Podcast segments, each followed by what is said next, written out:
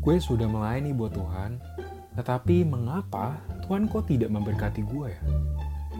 Gue juga sudah memberikan persembahan harta, tetapi mengapa Tuhan tidak mencukupi kebutuhan gue? Gue juga sudah mencurahkan waktu buat Tuhan, tetapi mengapa Tuhan kok tidak berbuat sesuatu ya dalam hidup gue?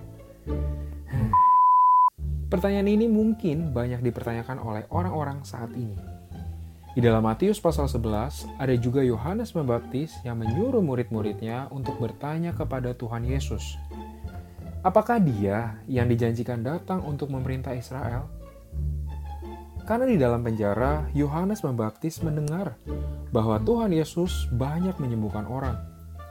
Orang buta melihat, orang lumpuh berjalan, orang tuli mendengar, orang kusta menjadi tahir, orang mati dibangkitkan, dan orang miskin diberikan kabar baik. Maka Yohanes Pembaptis yang begitu melayani Allah dan membaptis banyak orang, saat itu sungguh berharap agar Tuhan Yesus menolong dia keluar dari dalam penjara. Tetapi di ayat 6 Tuhan menjawab, "Dan berbahagialah orang yang tidak menjadi kecewa dan menolak aku." Guys, jangan menjadi kecewa, menolak dan tersandung karena Tuhan. Dengan banyak bertanya mengapa.